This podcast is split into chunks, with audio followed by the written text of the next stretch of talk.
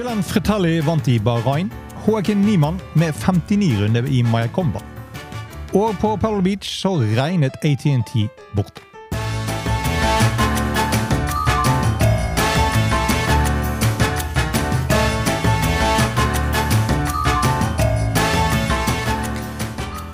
Hei, og velkommen til en ny episode av Golf Unplugged, presentert av Tutta Golf.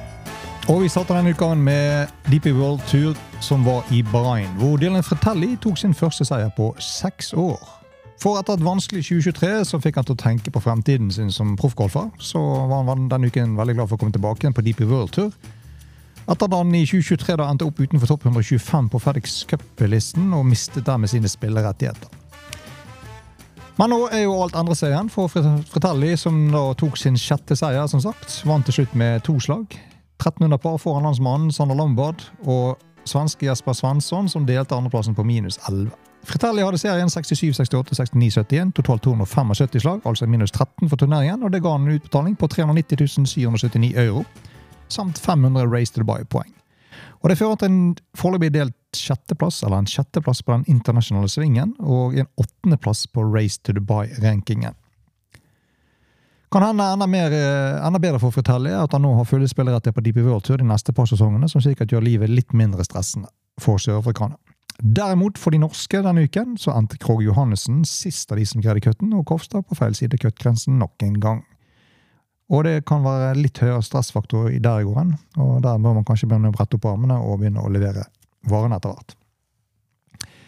Nye muligheter til uken når DP World flytter seg til Doha og Qatar Masters, og fra World Tour så flytta vi oss over Atlanterhavet. For på PGA-turen så kom værgudene til å spille en stor rolle for utfallet.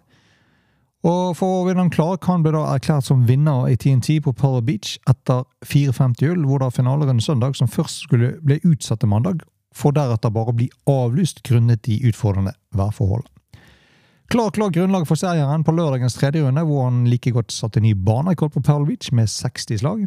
Kun en boogie på par tre-hullet hull 12, forhindret han fra å gå en 59 runde. Med serien 72-67-60, totalt 199 slag, minus 17, så holdt det med en ettslagsmargin foran Ludvig Aaberg på minus 16 på andreplass, og forrige ukes vinner på Tory Pines, Matthew Pavon, på en tredjeplass. Pavon tydelig i form for tiden. Og om det, ikke, om det, hadde blitt en fjerde runde, så kan det være at resultatet hadde blitt annerledes. For det var ca. 15 spillere som var innenfor kun fem slag av ledelsen etter tre dager. Uansett, Clark fikk med seg 3,6 millioner dollar for seieren, samt 700 FedEx Cup-poeng, som fører han til en foreløpig tredjeplass på FedEx Cup-rankingen, bak Mathieu Pavon og Chris Kirk. Og Dette var Clarks tredje tittel på PGA-turen, som fra før har eh, Wells Fargo og US Open i 2023 på merittlisten sin så langt. For Victor Hollands del så var ikke uken på Pearl Beach av de helt store. Han hadde serien 69-72-72, minus 3, som holdt en delt 58.-plass, som ikke er vanlig fra den kanten.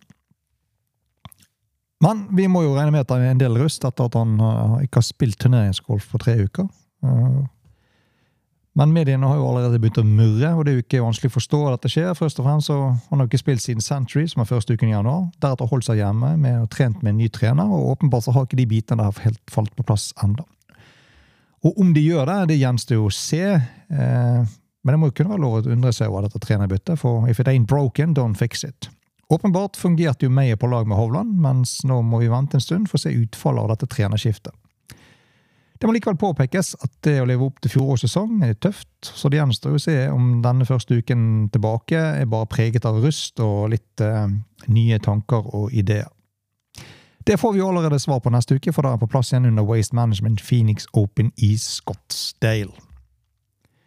Liv Golf hadde også sesongåpning denne uken, på Mayakomba. Og det har vært mye snakk om Liv frem og tilbake. Både Meronk og Hatten og Ram har jo da forseglet sine, sin fremtid i golfen med å dra til Liv. Og eh, to sistnevnte, Hatten og Ram, de satte jo sin preg på den første uken i 24-sesongen. Men i denne individuelle biten så var det Joakim Niemann som eh, endte opp som vinner. I et omspill mot Sergio Gazia. Niemann gikk for øvrig første runde i Maikongen på utrolige 59 slag. Og Garcia nummer to og den andre like sjarmerende spanjol John Ram i sin debut på tredje, to slag bak der igjen. I lagdelen derimot litt mer suksess for Rams lag. For hans lag eh, Legion 13 gikk hen og vant.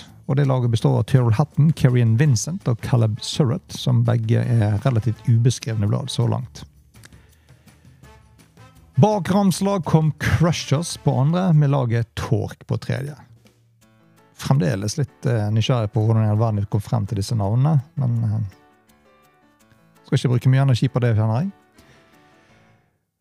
Liv Golf fortsetter også neste uke, parallelt med Waste Management Phoenix Open på PGA-turen. De skal da spille i Las Vegas. What to watch, det overlater vi fullt og helt til deg.